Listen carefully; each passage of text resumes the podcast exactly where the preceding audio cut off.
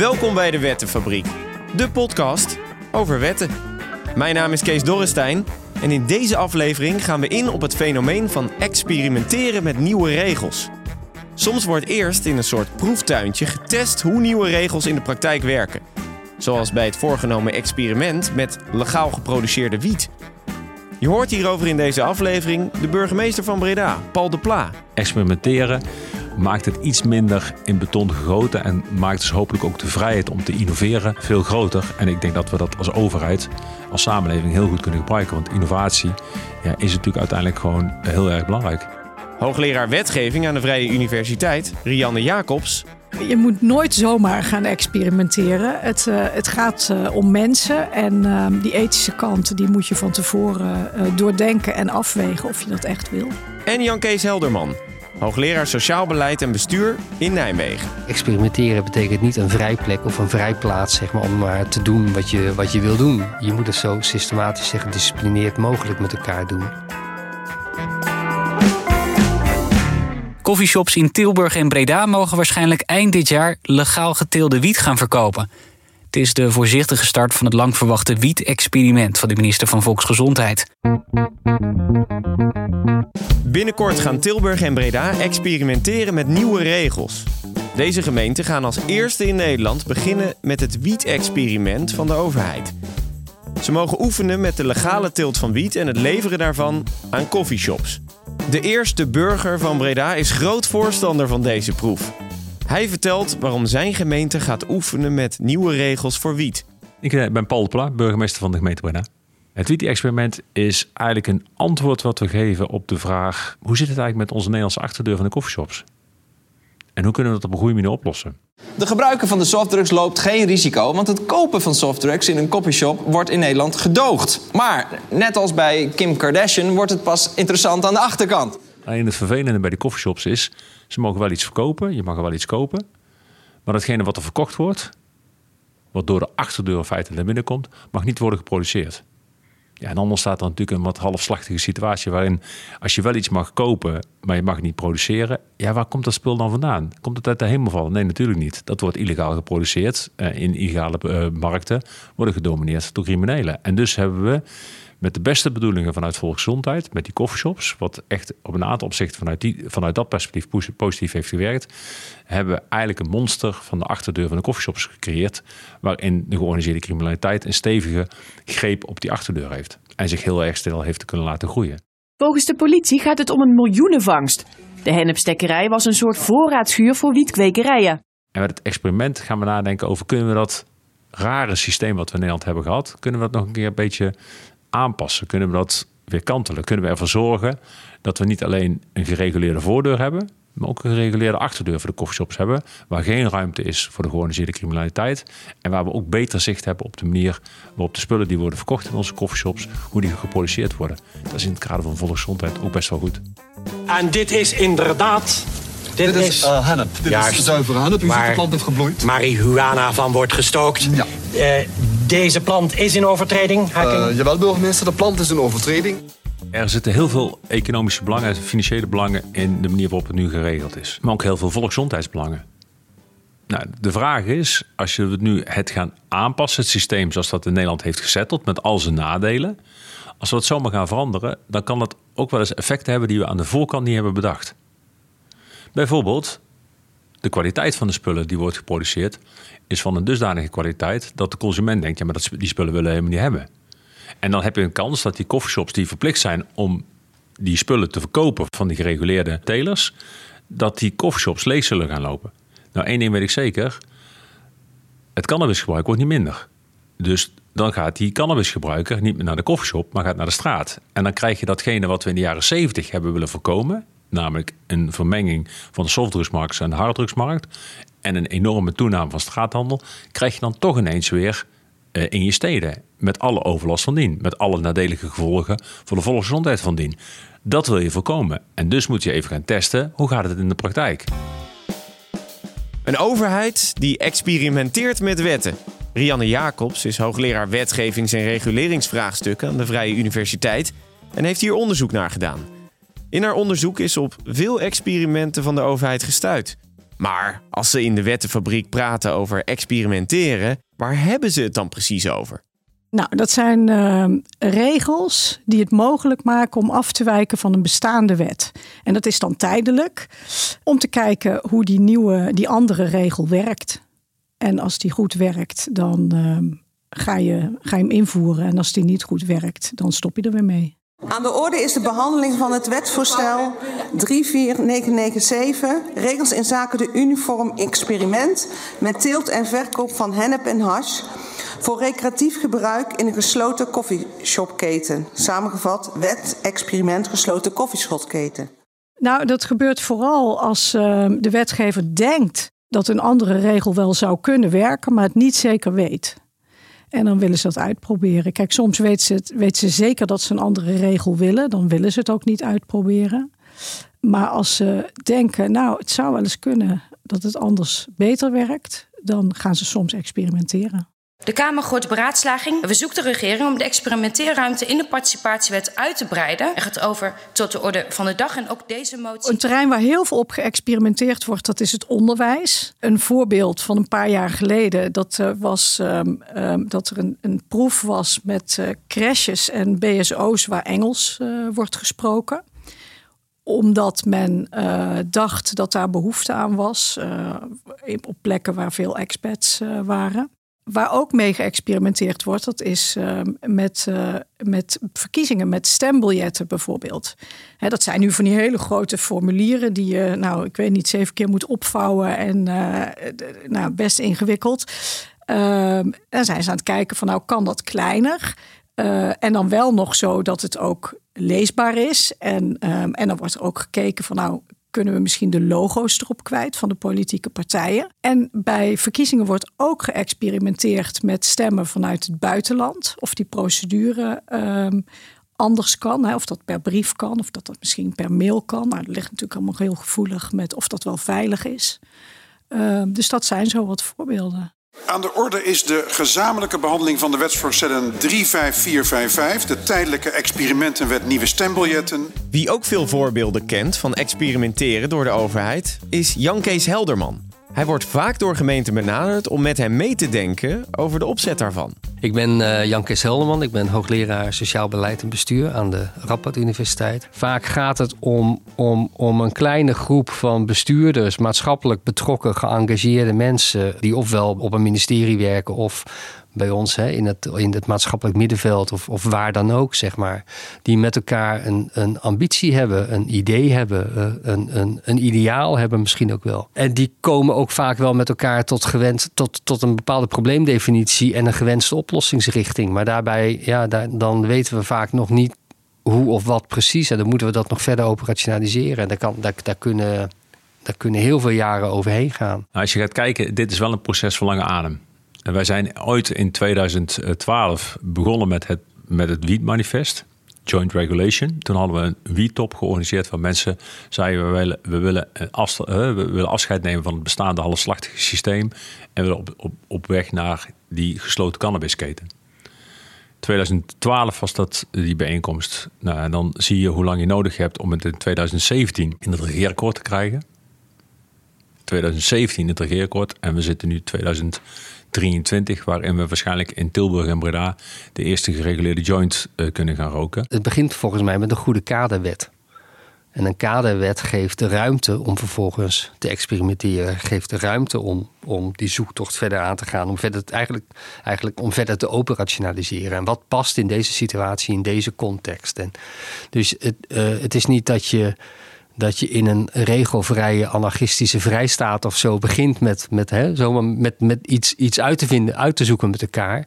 Er is altijd een verleden, er is altijd een geschiedenis, er is altijd, je, je rekent altijd af met eerder beleid of je, of je, je corrigeert eerder beleid. Um, en, uh, maar het belangrijkste is dat je erkent met elkaar dat je vooraf niet alles kunt weten en niet alles kunt vastleggen.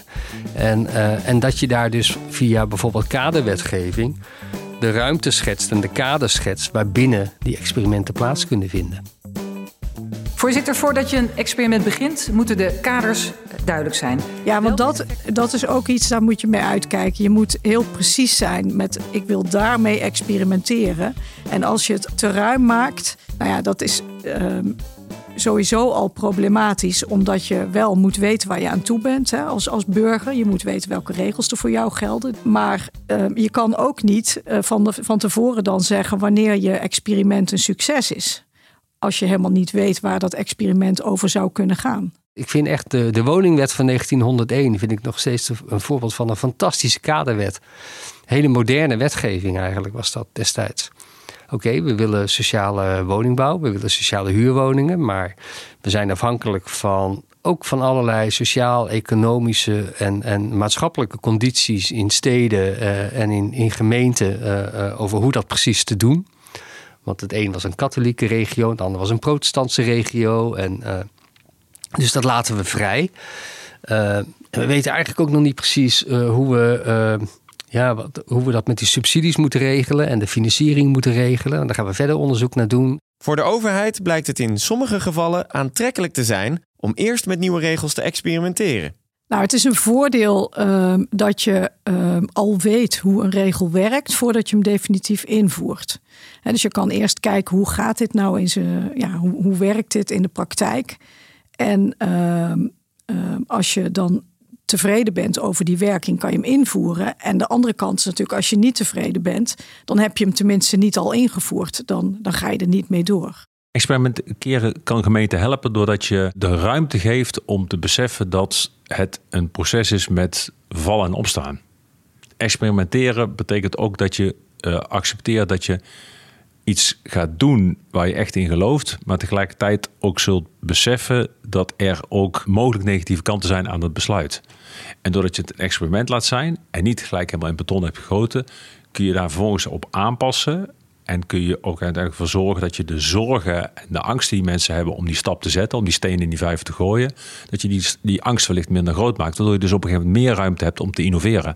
Experimenteren maakt het iets minder in beton gegoten en maakt dus hopelijk ook de vrijheid om te innoveren veel, minder, veel groter. En ik denk dat we dat als overheid, als samenleving heel goed kunnen gebruiken. Want innovatie ja, is natuurlijk uiteindelijk gewoon heel erg belangrijk. Nou, ik denk dat gemeenten niet verder komen zonder experimenten. Laat ik, hem dus omdraaien. Dus gemeenten zullen moeten leren om te experimenteren. Zeker nu, nu er zo ontzettend veel op hun afkomt. Vooral doorgaan. Ik denk de grootste uitdaging is, en die ligt heel erg voor de hand, maar, maar die wordt heel vaak vergeten. Want een experiment betekent niet dat je een vrij plaats hebt om uit te doen uh, wat je denkt dat mag of zo, of, of wat interessant is. Uh, en een experiment betekent ook niet dat je van het een naar het andere experiment holt of zo. Dus je moet, je moet het heel systematisch en gedisciplineerd doen. Dat klinkt bijna tegenstrijdig, uh, maar, maar dat zul je wel, want anders leer je er niet van. Dus je, je, je zult heel gedisciplineerd en systematisch kennis moeten verzamelen met elkaar om daadwerkelijk een experiment te doen slagen. Je kan je afvragen waarom experimenteert de overheid niet altijd eerst met nieuwe regels? We leven in een democratische rechtsstaat en we willen ook zekerheid. Dus we willen, dat is een heel, heel ander belangrijk element waar een overheid voor staat. Het borgen van die, van die rechtmatigheid en rechtvaardigheid. Dat is ook waarom we een bureaucratie hebben, eigenlijk. Dus nee, uh, je hoeft niet met alles te experimenteren. Dat is ook niet wenselijk. Kiezen, uh, de regels uh, opstellen voor Mevrouw de eisen die worden gesteld. De vraag. De vraag is of de minister dat met me eens is. nee, en het, en het, antwoord is nee, dat is de minister niet uh, eens met mevrouw Ploemen, voorzitter. Uh, want eerst is het regelkader nodig voordat je het experiment uh, kan, kan starten. Zo, zo klaar is het dus. Daarom moet eerst het regelkader af, dus eerst wet en ANVB af. Het nadeel zijn, zijn voor juristen zien, zien best wel flinke nadelen aan, aan experimenteren ik zei geloof ik net al, uh, ik noemde al die bestendigheid van regelgeving, hè, die, ze, die ze heel graag uh, zien. Uh, ze zijn ook uh, vaak bang dat het in strijd is met het gelijkheidsbeginsel. Hè, dat voor iedereen dezelfde regels zouden moeten gelden. En dat is dan niet zo als je experimenteert. Of dat de, de, de, de rechtszekerheid in het geding is. Dat je niet precies weet waar je aan toe bent. Dus dat zijn zo wat bezwaren die genoemd worden. Maar die bezwaren die kan je ook vaak wel wegnemen. Door van tevoren goed na te denken over, over hoe je het experiment gaat inrichten. Ik denk dat je moet niet met alles gaan experimenteren. Of je moet niet. Je moet, uh, uh, en wat ik net zei, experimenteren betekent niet een vrijplek of een vrijplaats, zeg maar, om maar te doen wat je, wat je wil doen. Je moet het zo systematisch en gedisciplineerd mogelijk met elkaar doen.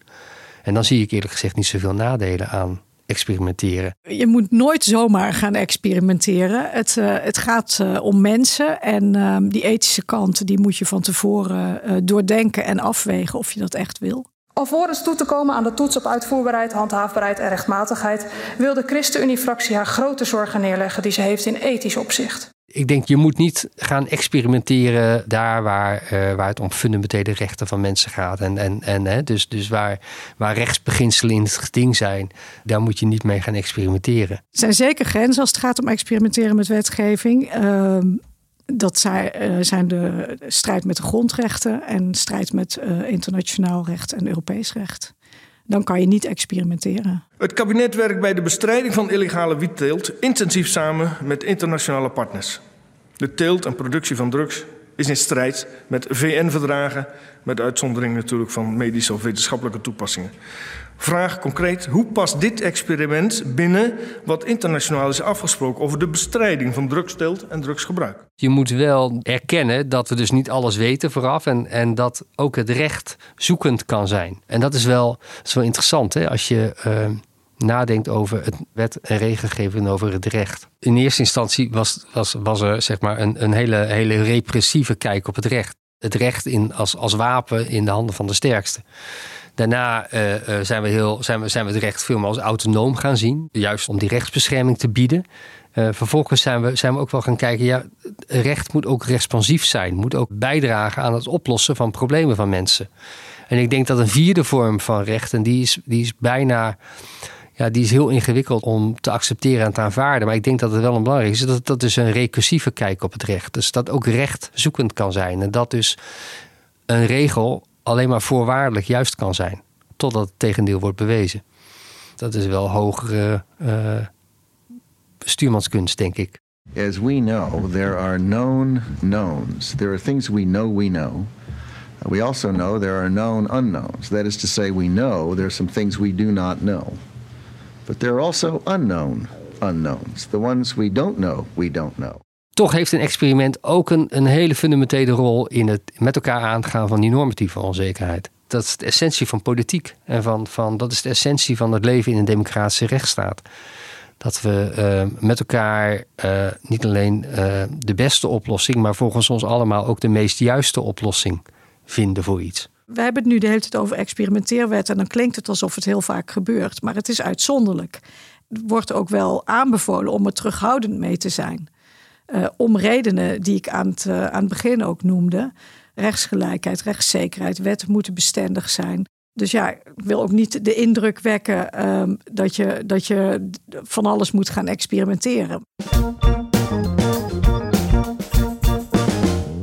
Voorzitter, wanneer is het experiment een succes? Wat is de maatstaf van de minister? Is het experiment een succes uh, als er afname is van criminaliteit en verbetering van de volksgezondheid? Of is het ook al een succes als er geen sprake is van een verslechtering?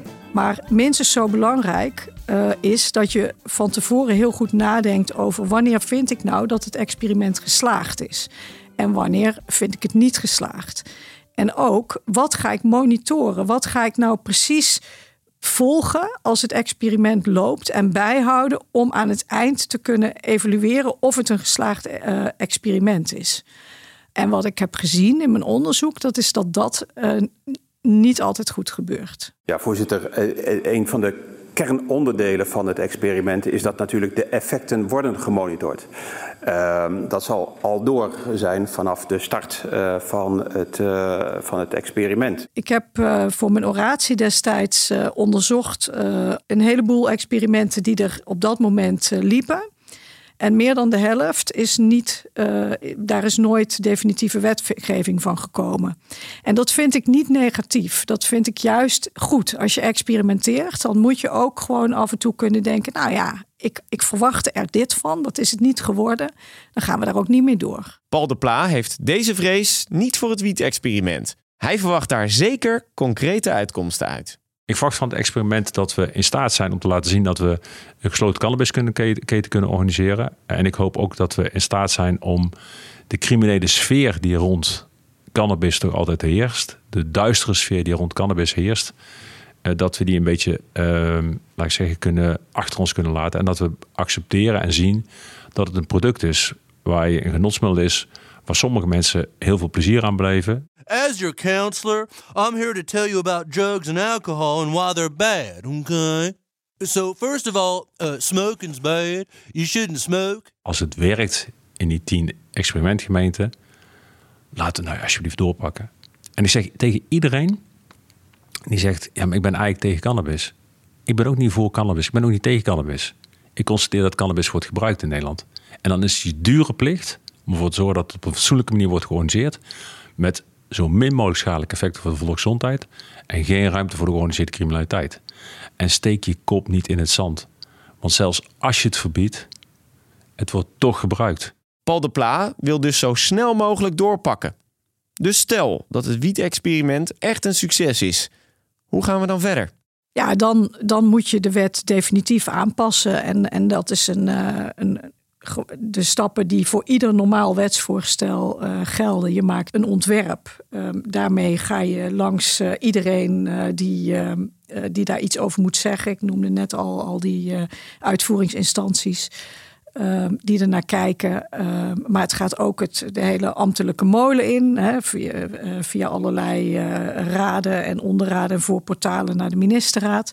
En dan uh, als het daar akkoord is, naar de Raad van State voor advies. En dan volgt het gewoon het traject wat ieder wetsvoorstel uh, volgt. Hè? Tweede Kamer, Eerste Kamer. En dan kan het in werking treden. En laten we alsjeblieft niet stappen nu heel snel zetten, want we hebben gezien dat we het kunnen.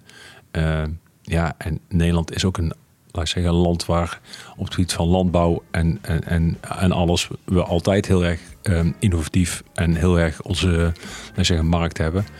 Beschouw dit ook gewoon als een landbouwproduct. De proef van het wiet zit hem in het roken.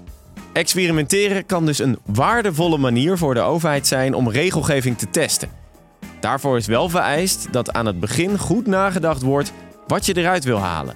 Als de proef wenselijk resultaat oplevert, kan het vervolgens worden omgezet in een reguliere wet. In de volgende aflevering kijken we naar het taalgebruik in wetten. Wil je meer weten over wetten? Kijk dan op www.wettenfabriek.nl. Tot de volgende!